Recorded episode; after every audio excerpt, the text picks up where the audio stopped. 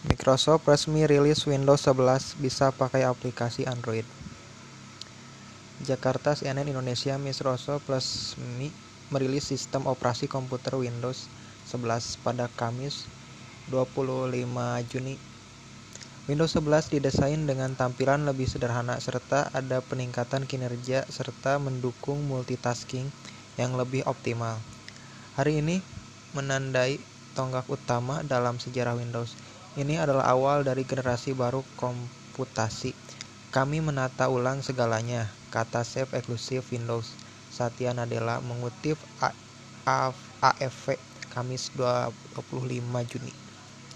Nanti Windows 11 bisa membawa aplikasi Android. Untuk pertama kalinya akan tetapi tidak semua aplikasi Android bisa diterapkan di Windows 11. Windows 11 juga akan menampilkan tombol start baru. Posisinya pun tidak lagi di ujung kiri bawah layar, melainkan dipindah